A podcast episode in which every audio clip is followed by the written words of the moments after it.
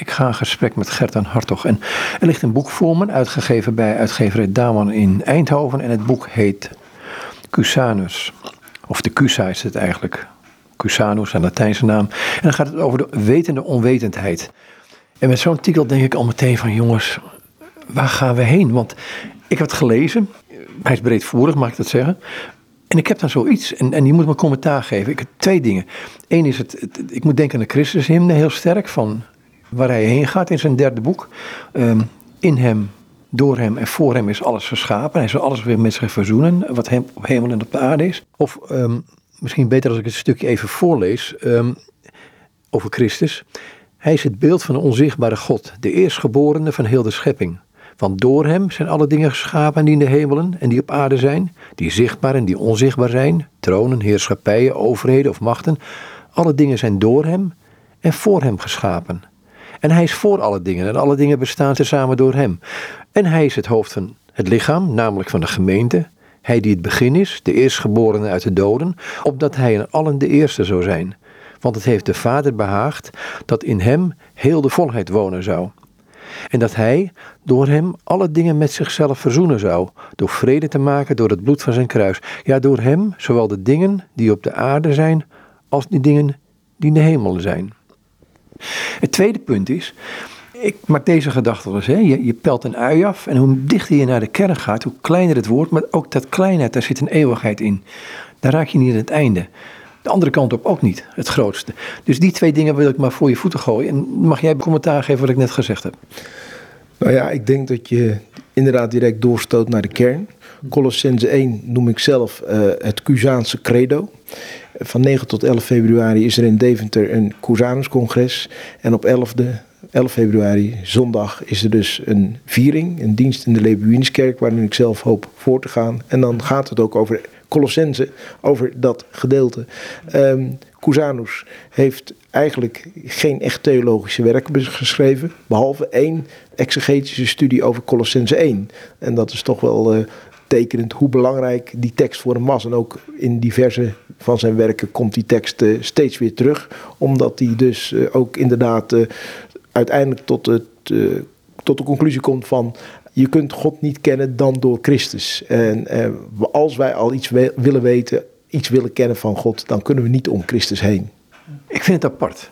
Want ik ben hier al een behoorlijke tijd mee bezig, omdat dit me behoorlijk bezighoudt, het Colossense 1. Dus dit spreekt mij wel aan. Um, maar dan het andere punt van, um, als wij in hem geschapen zijn en door hem en voor hem. En ik ga naar de eeuwigheid toe. Ik ga naar het beperkte van ons denken toe. Dat botst meteen al. Want ik kan me hier nauwelijks een voorstelling bij maken. Ik kan een verwondering raken, maar verder ook niet. Ik denk dat Cusanus dat ook had. En hij stond natuurlijk op het breukvlak van middeleeuwen en de renaissance. Door velen wordt hij de eerste moderne filosoof genoemd. Zelf vergelijk ik hem met Bach. Bach uh, was natuurlijk uh, het uh, hoogtepunt en het eindpunt van de barok. En die zette als het ware een gigantische accolade achter de traditie waar hij uit voorkwam. En die verwerkte hij in zijn muziek. Cusanus die staat natuurlijk enerzijds aan het eind van de scholastieke traditie. Die kende die door en door. Hij had er alles van gelezen. Hij citeert om de havenklap Thomas van Aquino, Bonaventura, noem maar op. Zonder dat hij zelf een scholasticus is. Hij heeft het allemaal verwerkt. Het is allemaal door hem heen gegaan. Maar tegelijkertijd eh, beseft hij, daar, daar komen we er niet mee. En de scholastiek legt natuurlijk heel veel nadruk op de rationaliteit, op het denken, op het menselijk verstand. En dat doet Cusanus enerzijds ook. En tegelijkertijd relativeert hij juist dat menselijk verstand. En dan komt hij dus uiteindelijk terecht bij de negatieve theologie, bij Pseudo Dionysius Areopagita, Meister Eckhart en zo verder. En hij beseft dus van, nou ja, op het moment dat je al die kennis vergaard hebt, dan kom je tot de slotsom, uh, daarmee kom je er niet. Je moet stil worden. En met andere woorden, de, het verstand dat omkadert uiteindelijk de affecten van de mystiek. Ja. Dan heb je het over een relatie in wezen. Ja, ja was de man van de relaties. Uh, geen ivoren toren geleerde. Geen man die uh, ja, zich opsloot in het stille studeer, studeervertrek. Maar zelf ook heel erg mensenmens was. En, en ja, communicatie zocht. En al zijn boeken eigenlijk die ademen die sfeer van het in relatie treden tot de mens. En in relatie treden tot God. Je bent predikant. Hoe ben je nou met Cusanus in, in aanraking gekomen? Want ik denk dat daar ook misschien wel de grondslag ligt voor dit vertaalwerk. Nou, dat is een heel grappig verhaal. Ik ben uh, in de jaren negentig bezig gegaan met mijn uh, promotie. Uh, promotiestudie. En ehm, dat ging over de voorzienigheid, in het bijzonder bij Zacharias en Sinus. En toen bestelde ik een boek bij een antiquariaat, de Tille in Leeuwarden. Ik weet het nog goed. Nou, dat boek werd mij toegestuurd, maar het was het verkeerde boek. Dus ik belde antiquaire op. Ik zeg, eh, nou ja, eh, dat boek wat hij mij toestuurde, dat was niet wat ik besteld had. Hij verexcuseerde zich en zegt, nou ik zal dan het goede boek alsnog toesturen. Dus ik vroeg, ja en wat moet ik met dat andere? Hij zegt, nou dat mag je wel houden. En dat was dus het werk van Cusanus waar ik tot dan toe nog nooit van gehoord had. Dus ik ging mij erin verdiepen. En ik dacht van, jongen, dat spreekt mij toch wel aan. Uh, ik ben enerzijds van huis uit heel degelijk gereformeerd. Maar ja, het mystieke, dat, uh, dat heb ik altijd toch op de een of andere manier heel aantrekkelijk gevonden. En ja, wat Cusanus zei, wat hij betoogde, voor zover het op dat moment meende te begrijpen, dat, uh, dat kwam eigenlijk overeen met zoals ik ook naar dingen keek. Dus er was een soort verwantschap van het eerste moment. Toen dacht ik, nou, er zal vast wel een vertaling zijn. Dus ik ging op zoek en kwam erachter dat die vertaling er dus niet was. Althans geen Nederlandse. En toen vat ik al het stoutmoedige plan op van nou als ik nog eens een keer tijd heb, dan ga ik dat boek vertalen. Nou ja, het bleef toen jaren op de plank liggen. En toen in 2020, toen zocht ik een project in het kader van uh, ja, de verplichte studiepunten die een predikant moet halen.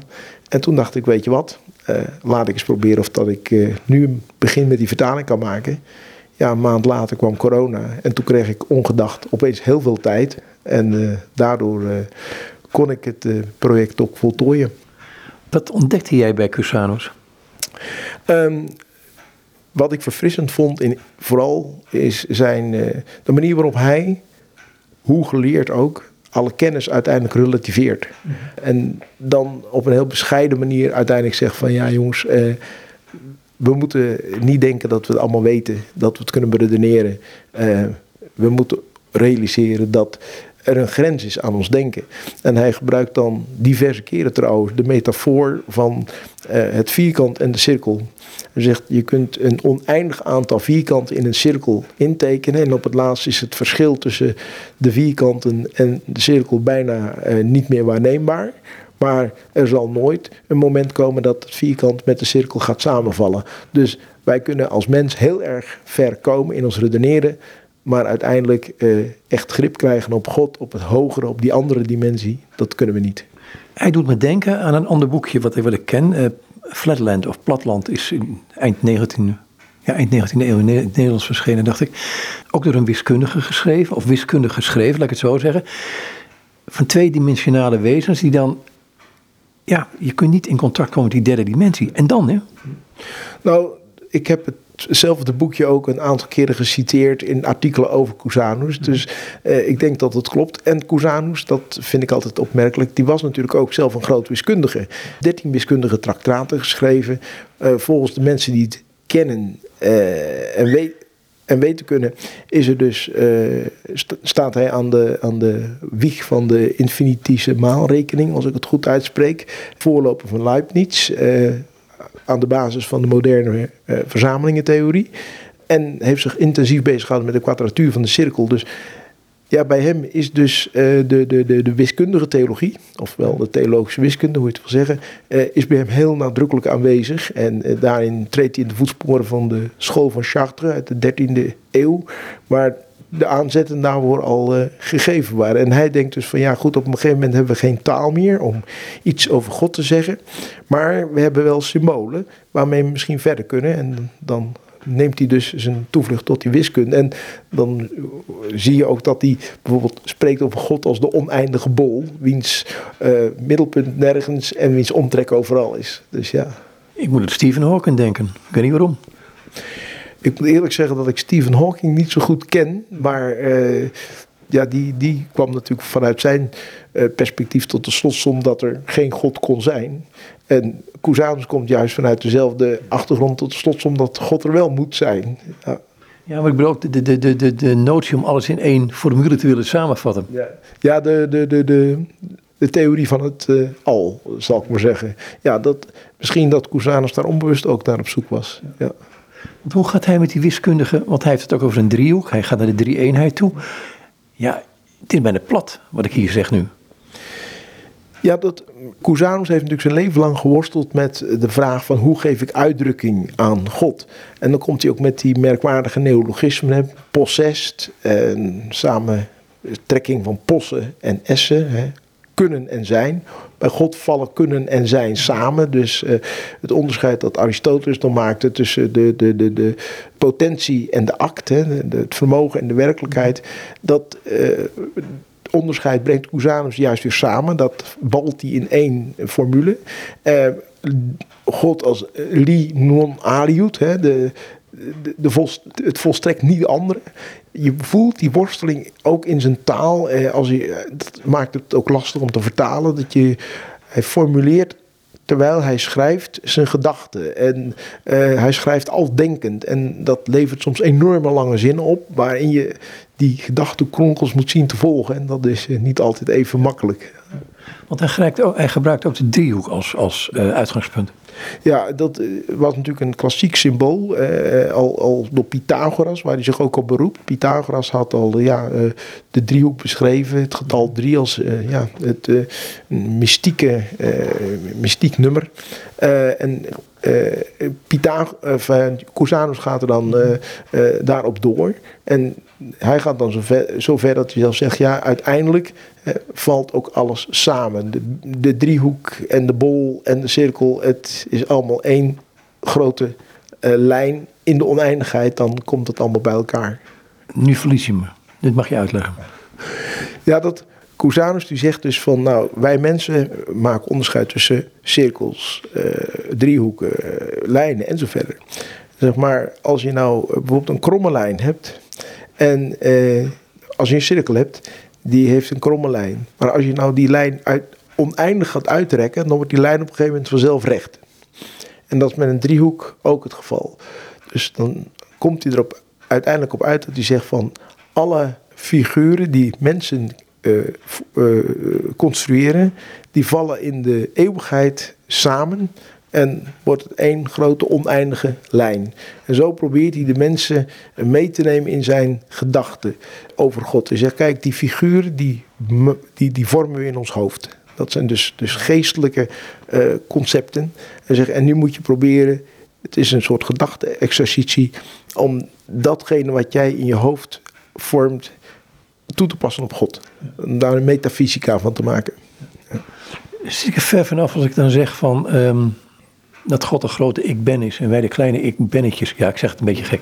Ik ben omdat God een grote ik ben is. Ja, ja dat is natuurlijk ook het, denken van die mystici in de lijn van Meister Eckhart. Meister Eckhart die zei ook, de mensen zijn, uh, zonder God zijn ze niets. En dan, dan dat accentueert hij ook in een van zijn preken en zegt hij echt een, een louter niets.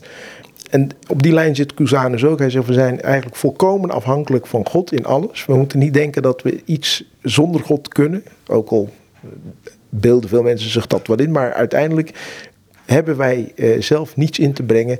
We zijn volkomen afhankelijk in alles van God. En dat is dan ook die mystieke eh, component in zijn denken van uiteindelijk moeten we terug tot God. Terwijl we niet, van God kunnen, niet los van God kunnen leven. Nee, inderdaad. En dat, dat is uh, ook. Hij was natuurlijk in zijn hele denken heel sterk door het neoplatonisme, neoplatonisme be, uh, beïnvloed. De emanatiegedachte van de mens die komt uit God. Zoals het dan uh, op een christelijke manier geformuleerd wordt. De mens komt voort uit God en de mens moet er streven weer tot God terug te keren. En het is Jezus, om dan weer, weer even bij Jezus terug te komen. Het is Jezus die ons leert hoe we die weg moeten gaan. Er is een hele positieve manier om God te benaderen, maar ook een hele negatieve manier. Die twee mag je naast elkaar zetten, want daar kan heel makkelijk verwarring over ontstaan. Maar ook, je kunt het negatief. Nee, ga je, leg iets maar uit. Je kunt dus enerzijds, uh, zegt Cusanus, uh, ja, van alles over God zeggen. En een heleboel eigenschappen aan hem toe schrijven. Al die attributen die natuurlijk in de scholastiek geformuleerd waren. En die neemt hij ook over. Maar tegelijkertijd, uh, ja, dat is de bevestigende theologie. Maar tegelijkertijd is er dan de negatieve theologie. Uh, uh, wat ik al zei in de lijn van Pseudo Dionysius Areopagita, meester Eckhart, van ja, eh, uiteindelijk moet je over God zwijgen. En je kunt niet zeggen wat hij wel is, maar je kunt wel zeggen wat hij niet is. Maar goed, ik heb Pseudo Dionysius de Areopagita een aantal dingen gelezen, maar hij begint toch met het kennen van God in Christus. En tegelijkertijd, als je tot het kennen komt, dan besef je van, oeps, ken ik het wel. Ja. Nou, dat, dat is ook precies wat Cusanus van Pseudo-Dionysius overneemt. Hij citeert hem ook uh, dikwijls en, en expliciet. Dus hij had hem ook in de kast staan, dus uh, hij had terdege kennis van hem genomen. En hij citeert hem ook met grote instemming. Maar dan uh, bij Pseudo-Dionysius kom je ook al die neologismen tegen. Dan voel je daar ook weer het tekort van de taal. Van ja, we zoeken naar woorden, maar eigenlijk weten we niet goed welke woorden we moeten gebruiken.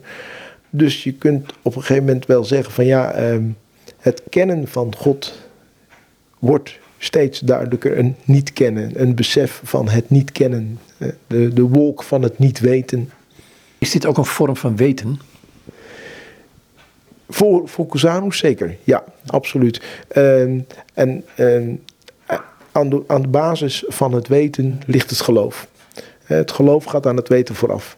We hadden het net even over, um, tegenwoordig zeker, hè, um, wil men bewijs hebben, een soort godsbewijs hebben, terwijl um, sommigen zeggen, nou dat kun je niet bewijzen, dus hij is er niet. Cusanus komt tot een andere conclusie. Hoe komt hij tot de conclusie dat er toch een God is? Twee dingen. Ten eerste eh, gaat hij al vrij snel uh, over tot het citeren van het godsbewijs van Anselmus. God is uh, ja, datgene waarboven niets groter gedacht kan worden. Dat, dat neemt hij over. En tegelijkertijd wijst hij ook op de, uh, ja, de, het de, de, de, tekort van de taal. Uh, hij was nominalist in zijn benadering van de werkelijkheid. Uh, Inigo Bokke zegt zelfs een ja, ultra-nominalist. Mag je uitleggen wat het is hoor? Ja.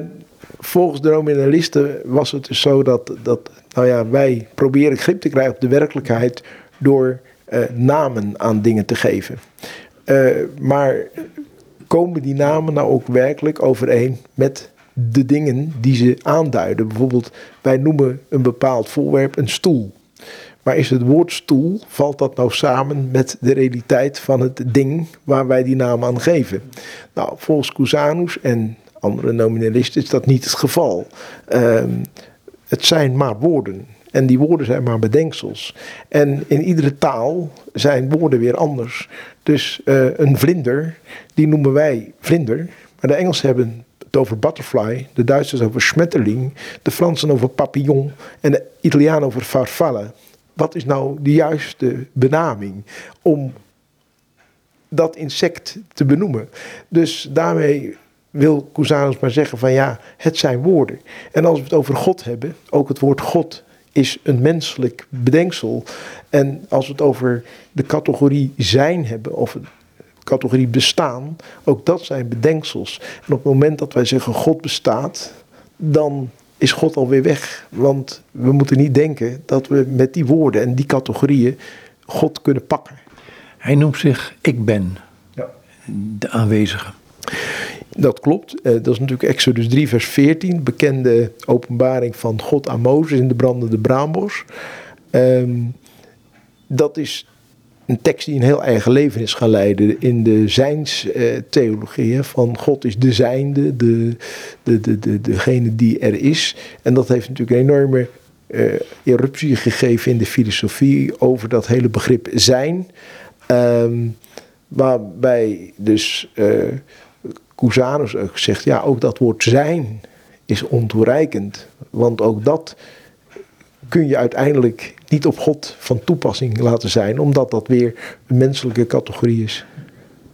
Nou, is er, een, is er één woord wat zichzelf is, is het woord woord, hè? Ja, eh, dat, en dat, dat dat brengt Cusanus dus op, van toepassing op Christus. Christus is het woord en in dat woord heeft God zich geopenbaard. In Christus zien wij dus wie God is. En als we dus iets willen weten over God, dan moeten we naar Christus kijken. Het boek bestaat uit drie delen. Um, het lijkt me een lastige vertaling geweest, moet ik eerlijk zeggen. Zelfs te lezen vind ik het lastig, maar goed. Um, het tweede gaat over het heelal. Um, maar het eerste deel heb je het ook over de drie eenheid. En dan ga je naar het heelal toe. Uh, of gaat hij naar het heelal toe. Wat is zijn logica erin? het heelal, um, om te beginnen uh, in het, in het uh, Latijn gebruikt hij dan het woord universum. En door het merendeel van de vertalers wordt dat ook niet verder vertaald. Omdat natuurlijk in andere talen, universe enzovoort, dat, dat, dat kun je één op één vertalen. Maar um, toch uh, bedoelt hij daar meer mee dan uh, wij misschien op het eerste gezicht zouden denken. Het is niet zozeer de kosmos, uh, de ruimte. Dat ook, zeker. Maar het is meer, het is het geheel van alle dingen. En daarom heb ik er ook zelf een, in de vertaling een neologisme van gemaakt. Heel al, met twee hoofdletters. het is het geheel en al van alle dingen samen, die dus met elkaar de uitvouwing zijn. Dat is een heel belangrijke uh, uh, term in zijn denken. Een explicatio, dus letterlijk de uitvouwing van God in de dingen. In de mensen, in de dieren, in de hele schepping is God aanwezig. Daarom werd hij ook door zijn eerste tegenstander Johannes Wenk van pantheïsme beschuldigd. Maar Cusanus heeft dat zelf dan weer toegelicht dat dat niet zo is. Hij zegt, ja, God is wel in alle dingen, maar zonder er deel van uit te maken. En daarom is dat, uh, die, die, het boek bestaat inderdaad uit drie delen. Uh, heeft heel nadrukkelijk voor die trinitarische structuur gekozen. Het eerste deel gaat over God en het tweede deel gaat over het heelal. Omdat dat dus eigenlijk de manier is waarop God zich geopenbaard heeft in de dingen. En dan ja, heel, uh, heel uiteindelijk toegespitst. En dat is dan het derde deel in Jezus Christus. Dus ook al de drie eenheid komt ook al in het eerste deel voor. Als, als drie eenheid. En dat probeert hij toe te lichten. En ik vind het best een hele mooie, gewaagde poging. Nou ja, hij, hij benadert de drie eenheid dus ook op een heel eigenzinnige manier. Uh, hij uh, heeft het dan dus niet direct over Vader, Zoon en Heilige Geest. Maar over de eenheid en uh, de, de verbinding en de gelijkheid. Ja, ja hij heeft het over um, de, de, de, de, de drie-eenheid in eh, abstracte termen. Dus niet Vader, Zoon en Heilige Geest, maar over de eenheid en de gelijkheid en de verbinding.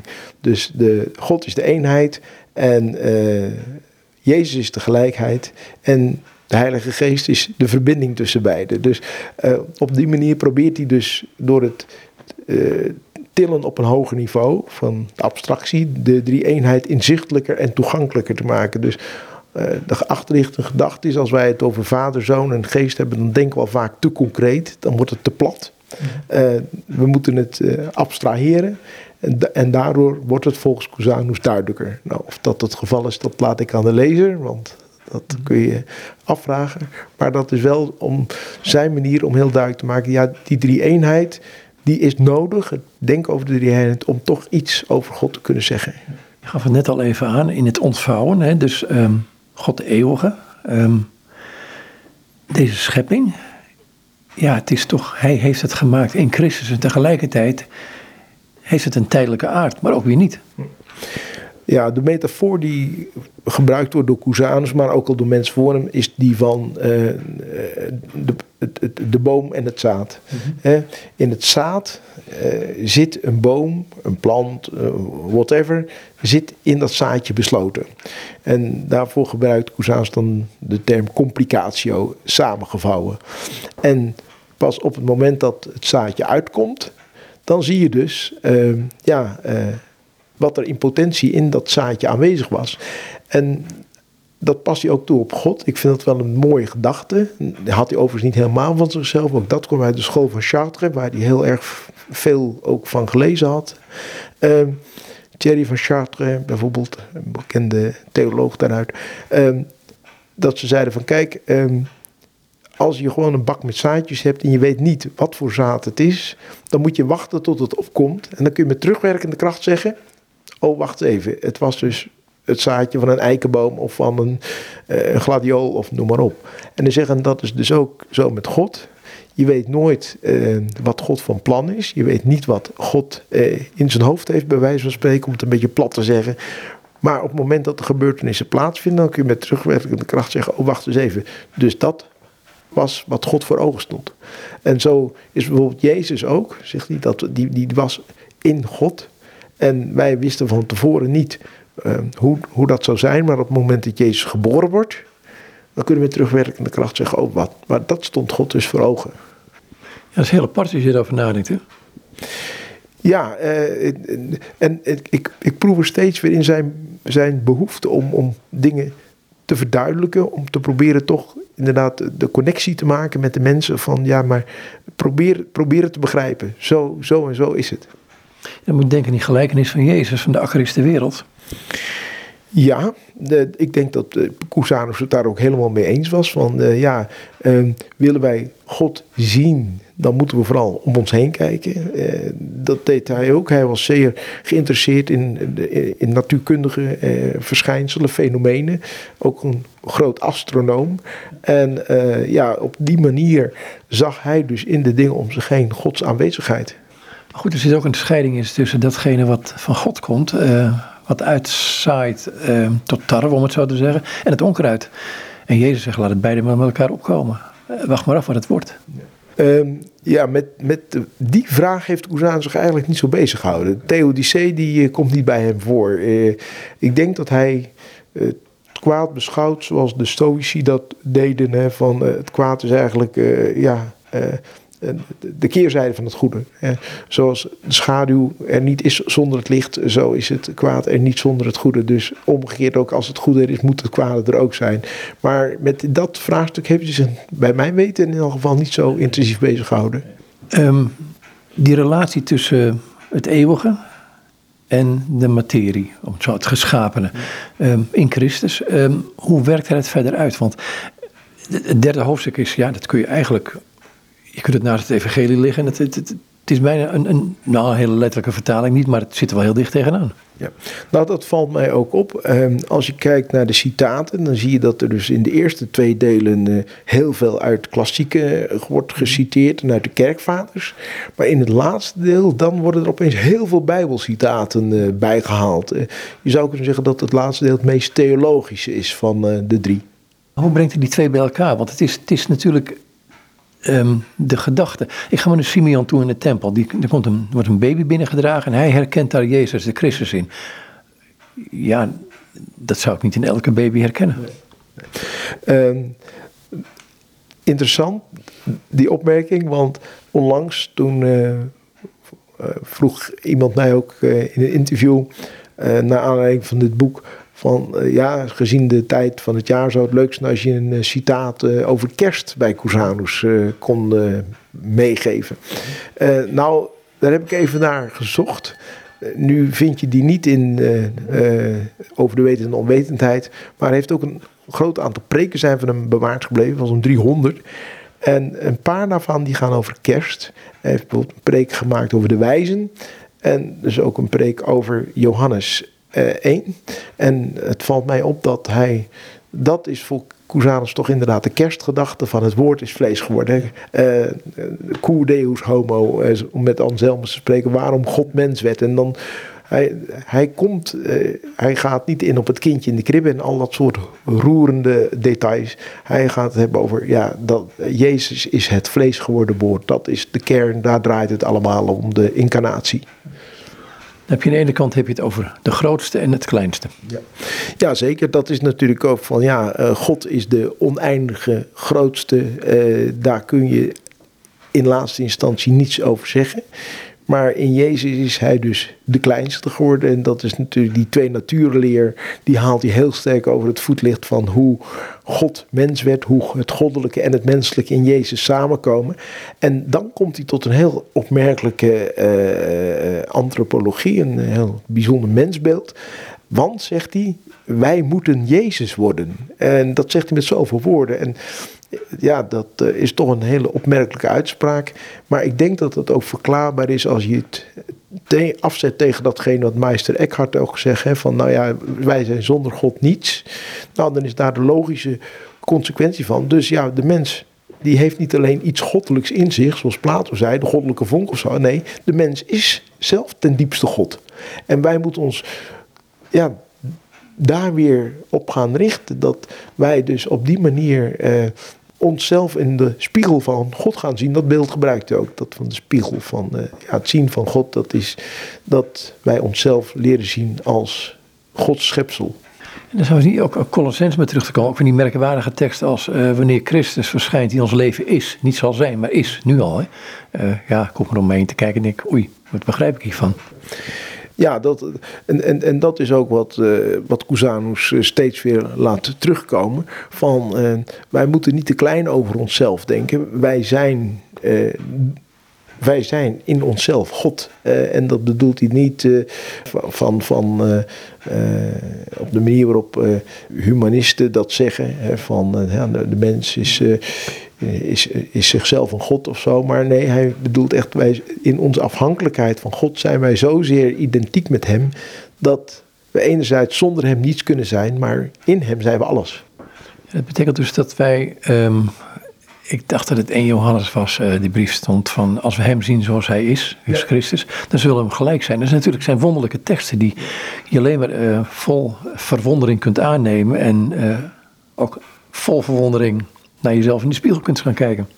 Nou, die, die tekst van we zullen hem zien zoals hij is, die, dat was natuurlijk een, een, een, een een klassieker binnen de mystieke kring ook. Hè. Daar wordt heel vaak ook uh, uh, over gediscussieerd binnen die mystieke literatuur van die tijd.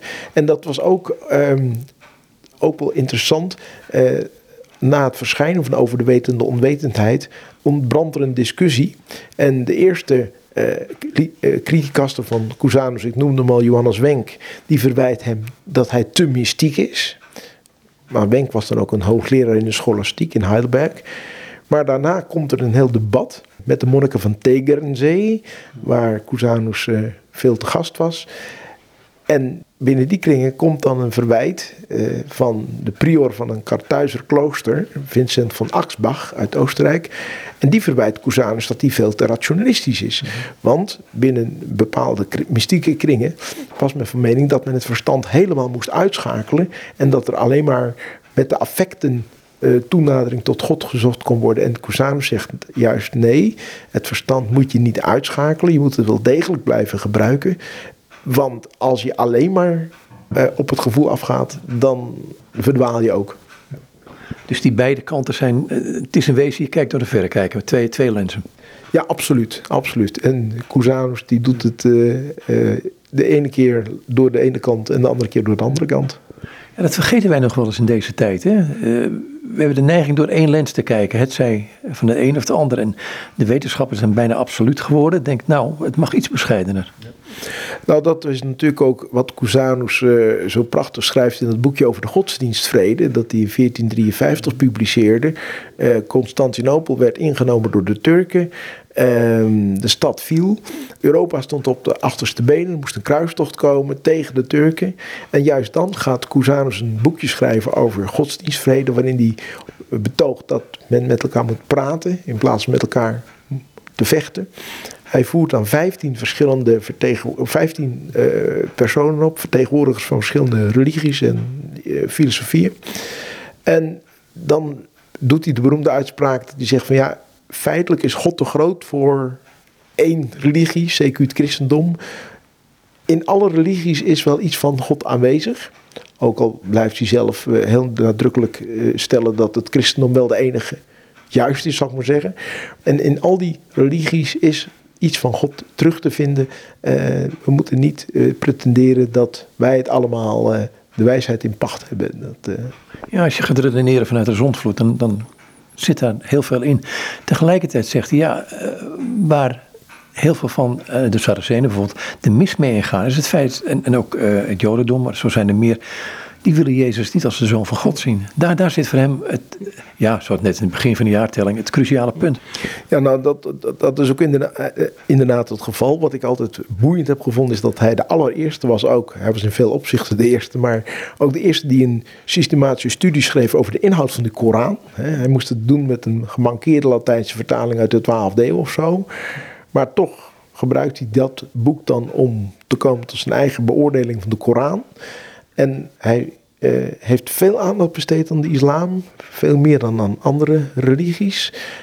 Maar dan schrijft hij op een moment wel van over de islamieten. Ze zijn redeloze vervolgers van het kruis van Christus.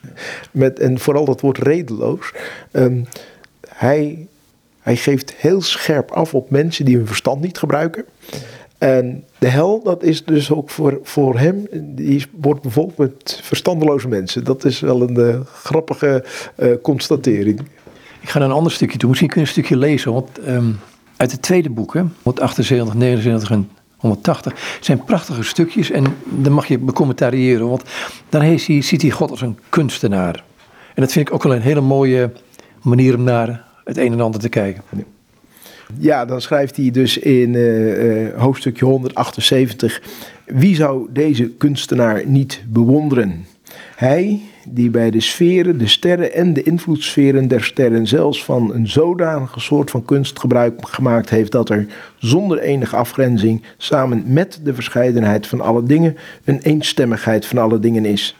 Hij die in één enkele wereld de afmetingen van de sterren, hun plaats en beweging van tevoren overwogen heeft en de afstanden van de sterren zodanig verordineerd dat, als niet willekeurig welk gebied was zoals het is, het ook niet zou bestaan, noch in een zodanige plaats een ordening zou kunnen zijn en ook het heelal zelf niet zou kunnen bestaan. Het is een heerlijke manier van redeneren, dit hè? Ik vind het schitterend. En um, hij, ik, ik, ik zei ook, Cusanus is zelf ook uh, op een bepaalde manier een kunstenaar. Uh, zonder ooit uh, zich bezig te hebben gehouden met de beeldende kunst of de muziek, voor zover ik weet. Maar bijvoorbeeld, hij maakt er wel van gebruik. Ook bijvoorbeeld blijkt dat hij wel een groot liefhebber was van schilderkunst. Want bijvoorbeeld dat boekje De Visione D gaat heel concreet uit van de schilderij van Rogier van der Weijden.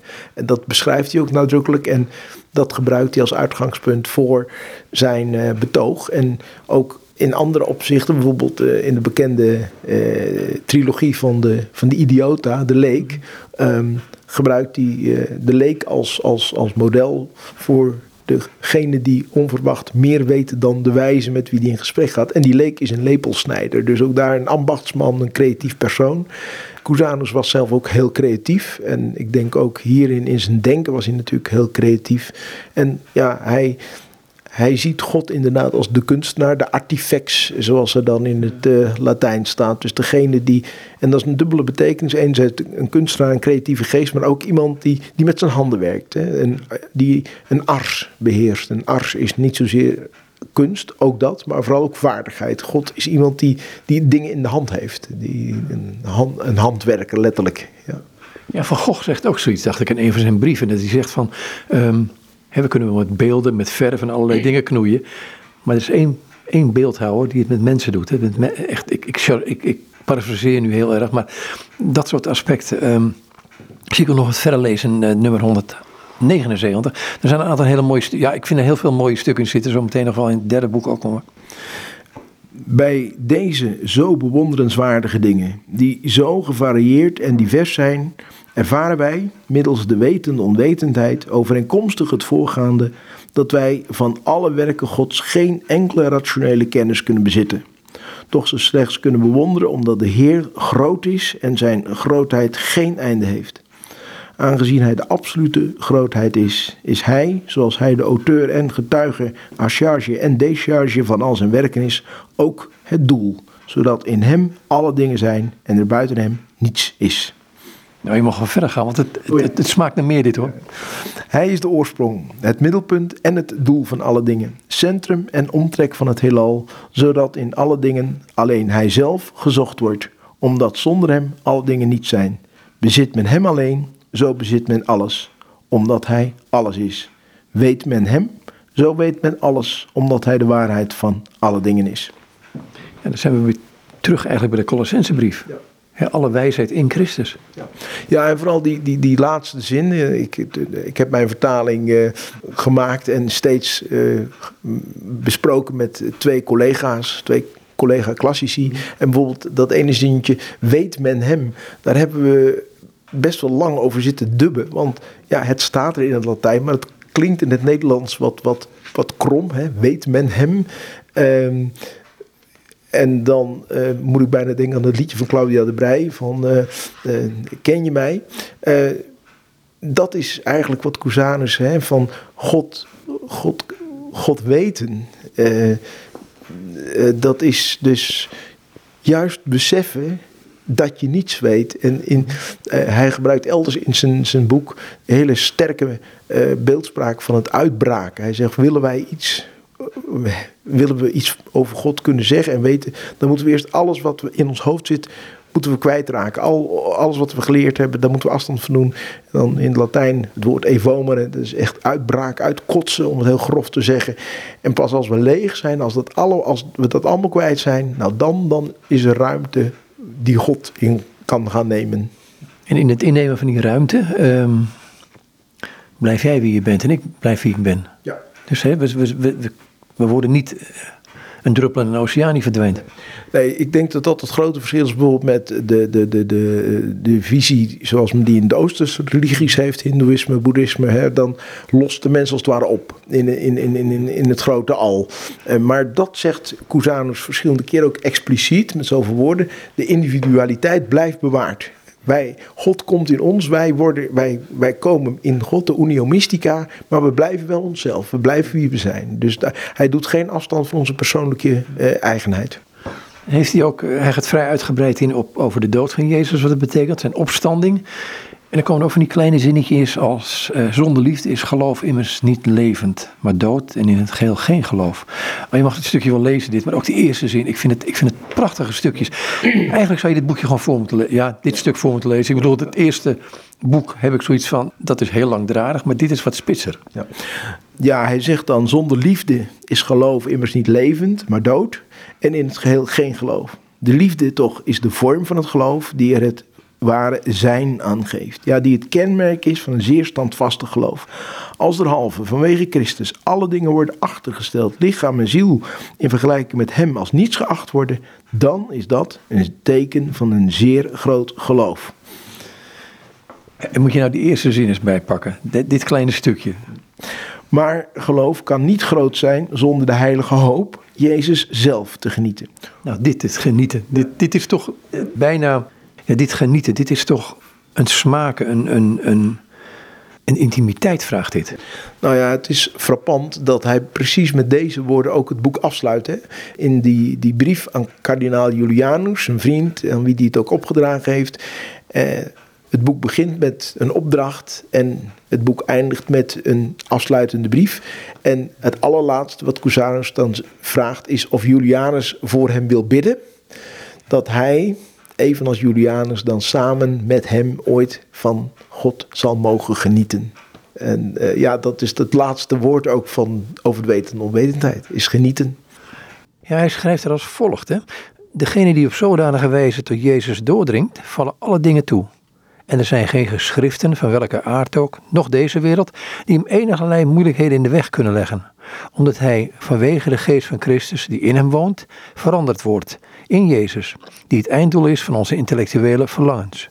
Dat u hem, allervroomste Vader, met nederig hart voor mij, arme zondaar, voortdurend wil smeken, opdat wij op gelijke wijze verdienen hem voor eeuwig te genieten. Ik heb maar even voorgelezen, het laatste stukje van die brief. Maar goed, um, je gaat binnen met een jaar met emeritaat, als je dat mag leven, dan wordt het.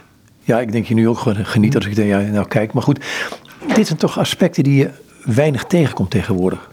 Nou ja, dat is denk ik enerzijds wat mij in Cusanus zo aanspreekt. En anderzijds ook uh, waarom ik hem zo verrassend actueel vind. En waar, waarom ik denk dat het zinvol is dat hij ook vandaag de dag niet alleen vertaald, maar ook zelfs gelezen wordt. En uh, ja, ze zeggen eens onbekend maakt onbemind. in het protestantse volksdeel met name is de naam Cusanus natuurlijk bijna volstrekt onbekend. En ja, vandaar ook dat ik uh, nu mijn best ga doen om heel veel lezingen en verhandelingen over hem te houden. Om wat bekender te maken. En dit aspect ook van hij, hij heeft een, visie die verder reikt dan de waan van de dag. Uh, en ja, dat, dat is denk ik waar veel mensen zich vandaag de dag uh, aan zou kunnen spiegelen. Nou heet het boek heet over de wetende onwetendheid. En dan komt er zo'n merkwaardig zinnetje voor. Uh, maar goed, er zijn wel meer merkwaardige zinnetjes in. Ik ga nu maar van hot naar her. Um, in het uh, nummer 253 van het derde boek, hoofdstuk 11 is dat. Um, gezegend zijn God die door zijn zoon ons heeft vrijgekocht uit de duisternis van een zo grote onwetendheid. Dus dan zijn wij vrij van die onwetendheid. Maar wat bedoelt hij daarmee? Want je mag het ook wel lezen verder, want ik, ik citeer maar alleen de eerste zin natuurlijk. Ja, gezegend zij God, die door zijn zoon ons heeft vrijgekocht uit de duisternis van een zo grote onwetendheid, opdat wij weet hebben van alle valse dingen en oplichterijen, die door een andere middelaar dan Christus, die de waarheid is, en door een ander geloof dan dat in Jezus, op welke manier dan ook, tot stand gebracht worden omdat er slechts één Heer Jezus is die machtig is boven alles, die ons vervult met alle zegening, als enige al wat ons ontbreekt in overvloed het verkeren. Ja, Cusanus die gebruikt het woord eh, ignorantia, onwetendheid, op twee manieren. Op een positieve manier en een negatieve manier. En zoals het in de titel voorkomt, is dat positieve manier, dat is de onwetendheid waarnaar we moeten streven. Maar paradoxaal genoeg zegt hij, op dit moment zijn wij ook onwetend, alleen op de verkeerde manier. Wij weten niet, om het, om het op een beetje op zo'n Cusaans te zeggen, wij zijn onwetend over het feit dat we onwetend moeten worden.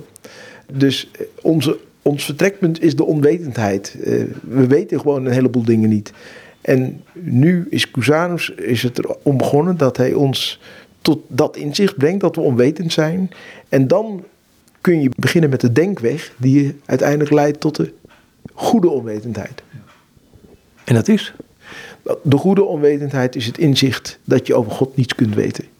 Maar goed, hij gaat hier, uh, zegt hij, bent eruit uit verlost door Jezus Christus. Dus Jezus Christus, en dat komt, ik ga weer naar die Colossensebrief terug, die is daar heel centraal in, maar op een manier die ik in andere brieven bijna niet vind. Nee, nee dat is, uh, en, en daarom is denk ik Cusanus ook zo gefascineerd door die Colossensebrief en heeft hij zo'n belangrijke rol bij hem gespeeld. Van ja, uiteindelijk, iemand moet ons, uh, ja, de kennis laten maken met onze onwetendheid in de verte schemert de grot van Plato door. Hè? Uh, mensen die, die in die grot zitten, die denken dat dat de enige werkelijkheid is. Nou ja, zegt Cusanus, wij mensen weten van onszelf eigenlijk ook niets. En we denken dat, dat het goed is.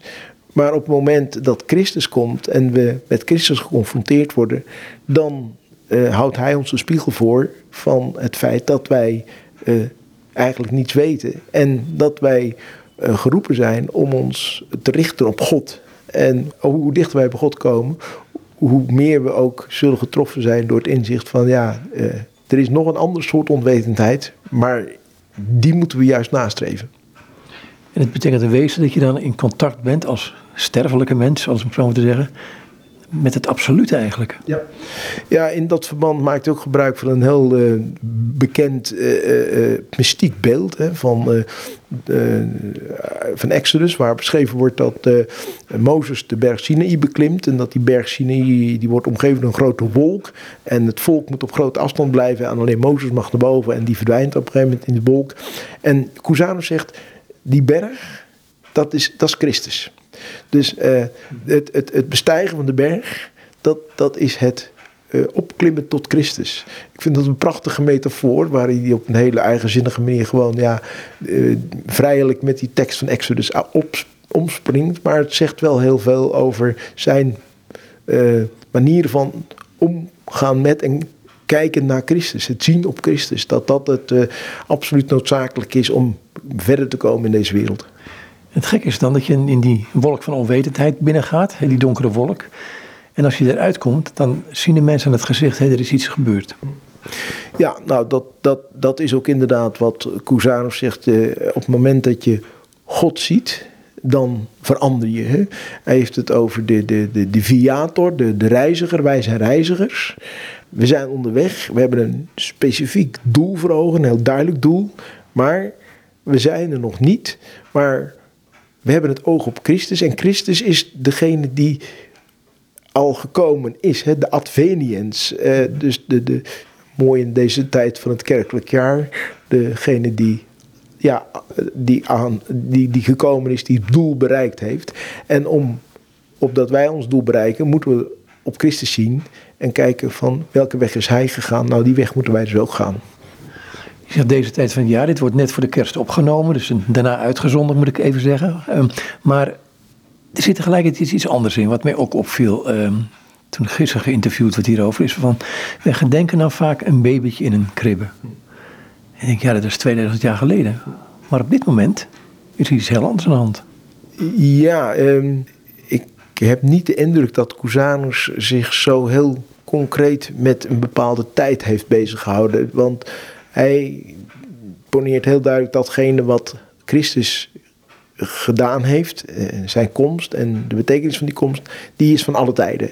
Dus hij, hij besteedt uh, opmerkelijk weinig aandacht aan, aan een actuele situatie. Hij zegt gewoon van, nou ja, dat wat in de Bijbel gezegd is over het woord dat vlees geworden is, daar hebben wij anno uh, 1440, toen hij dit schreef, en 2023 nu en volgende tijden altijd weer, de, uh, dat, dat kunnen we nog altijd gebruiken. Ja, maar ik wil er ook mee zeggen dat, dat hij, als ik dit goed lees, meer uitgaat van de positie van Christus nu dan toen in die kribben.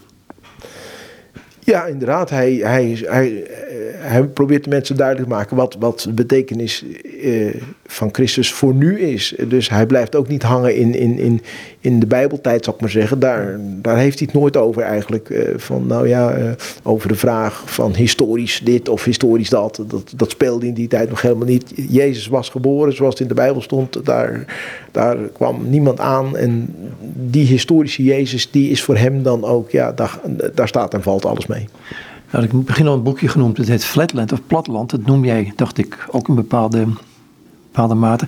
Um, dat wiskundige wat erin zit. Uh, twee dimensies, er is een derde dimensie. Dat lijkt nu, het lijkt van alle tijden te zijn, maar ook in dit, deze tijd zeker, um, alsof dit alles is wat er is. Terwijl ik denk van jongens, denk eens na. Um, hoe hoe overstijg je dat? Of hoe kun je mensen duidelijk maken dat er meer is dan die drie dimensies waar wij in leven dan? En in platland, flatland is het een flatland, platland is het dan twee dimensies, maar goed. Nou, ik denk, um, ik heb in het voorwoord ook gezegd, uh, ja, uh, we hebben vandaag de dag zijn er veel mensen die uh, natuurlijk zichzelf agnos noemen. het iets is me, hè, er zal wel iets zijn. Ik denk dat als Cusanus dat gehoord zou kunnen hebben, dat hem de rillingen over de rug waren gelopen. En hij zou agnosten als intellecten intellectuele luiaards hebben omschreven. Hij zegt van juist, je moet nadenken en, en je moet blijven nadenken. En uh, juist het materialisme wat er vandaag de dag is, maar wat er natuurlijk toen in de renaissance ook was. Hè, de nadruk op, op het, het hier en nu, het verticale of het horizontale. Um, ja, uh, Cusanus zou gezegd hebben, je moet, uh, je moet gaan nadenken. En op het moment dat je gaat nadenken, overstijg je de platheid. En dan ben je in staat om tot het inzicht te komen: hey, er is meer. En dat meer dat is niet iets ondefinieerbaars, iets, iets abstracts, maar dat meer, ja, dat is God die in Christus Jezus uh, naar ons toegekomen is. Wat is nadenken? Want ik heb het idee dat tegenwoordig, um, dan ga ik heel ondeugend zijn, um, wat men wel zegt op bepaalde universiteiten of hogescholen, dat mensen leren wat ze moeten denken, niet hoe ze moeten denken. Ik denk dat nadenken uh, uh, begint met verwonderen. Uh, dat is ook een hele oude Platoons adagium, waar Cusanus ook al vrijwel direct in het begin van zijn doctor ignorantia mee inzet. Van nou ja, het, we, moeten ons, we, moeten, we moeten beginnen met onszelf te verwonderen. Wat is dat allemaal om ons heen? Hoe is dat er gekomen? En op het moment dat je de verwondering ja, omarmt, dan ga je ook nadenken. En dan kom je tot de inzicht van, nou ja, dat dingen die wij om ons heen zien, ja, eh, die benoemen we met menselijke woorden. En we kunnen ze benoemen omdat we weten hebben van verhoudingen. Dat is ook een heel centraal begrip in zijn filosofie, de proportie. Um, en op het moment dat we dat gaan doen, komen we op een moment ook tot inzicht van, ja, er is ook iets wat alle verhoudingen overstijgt, waarvoor geen verhoudingen te vinden zijn. En, en dat is God. Goed, ik wil het hier laten. Dankjewel. Ik vond het een prettig interview. Ja. Ook bedankt. Of je zou nog wat meer willen zeggen, maar ik weet het niet. Uh, nou ja, ik, ik, ik hoop van ganser harte dat uh, ja, mensen zich niet uh, laten afschrikken door de omvang van het boek of door uh, de eerste pagina's waarvan ze misschien denken van nou dit is wel erg abstract, maar dat ze merken dat hoe verder je komt, hoe, uh, hoe duidelijker het allemaal wordt.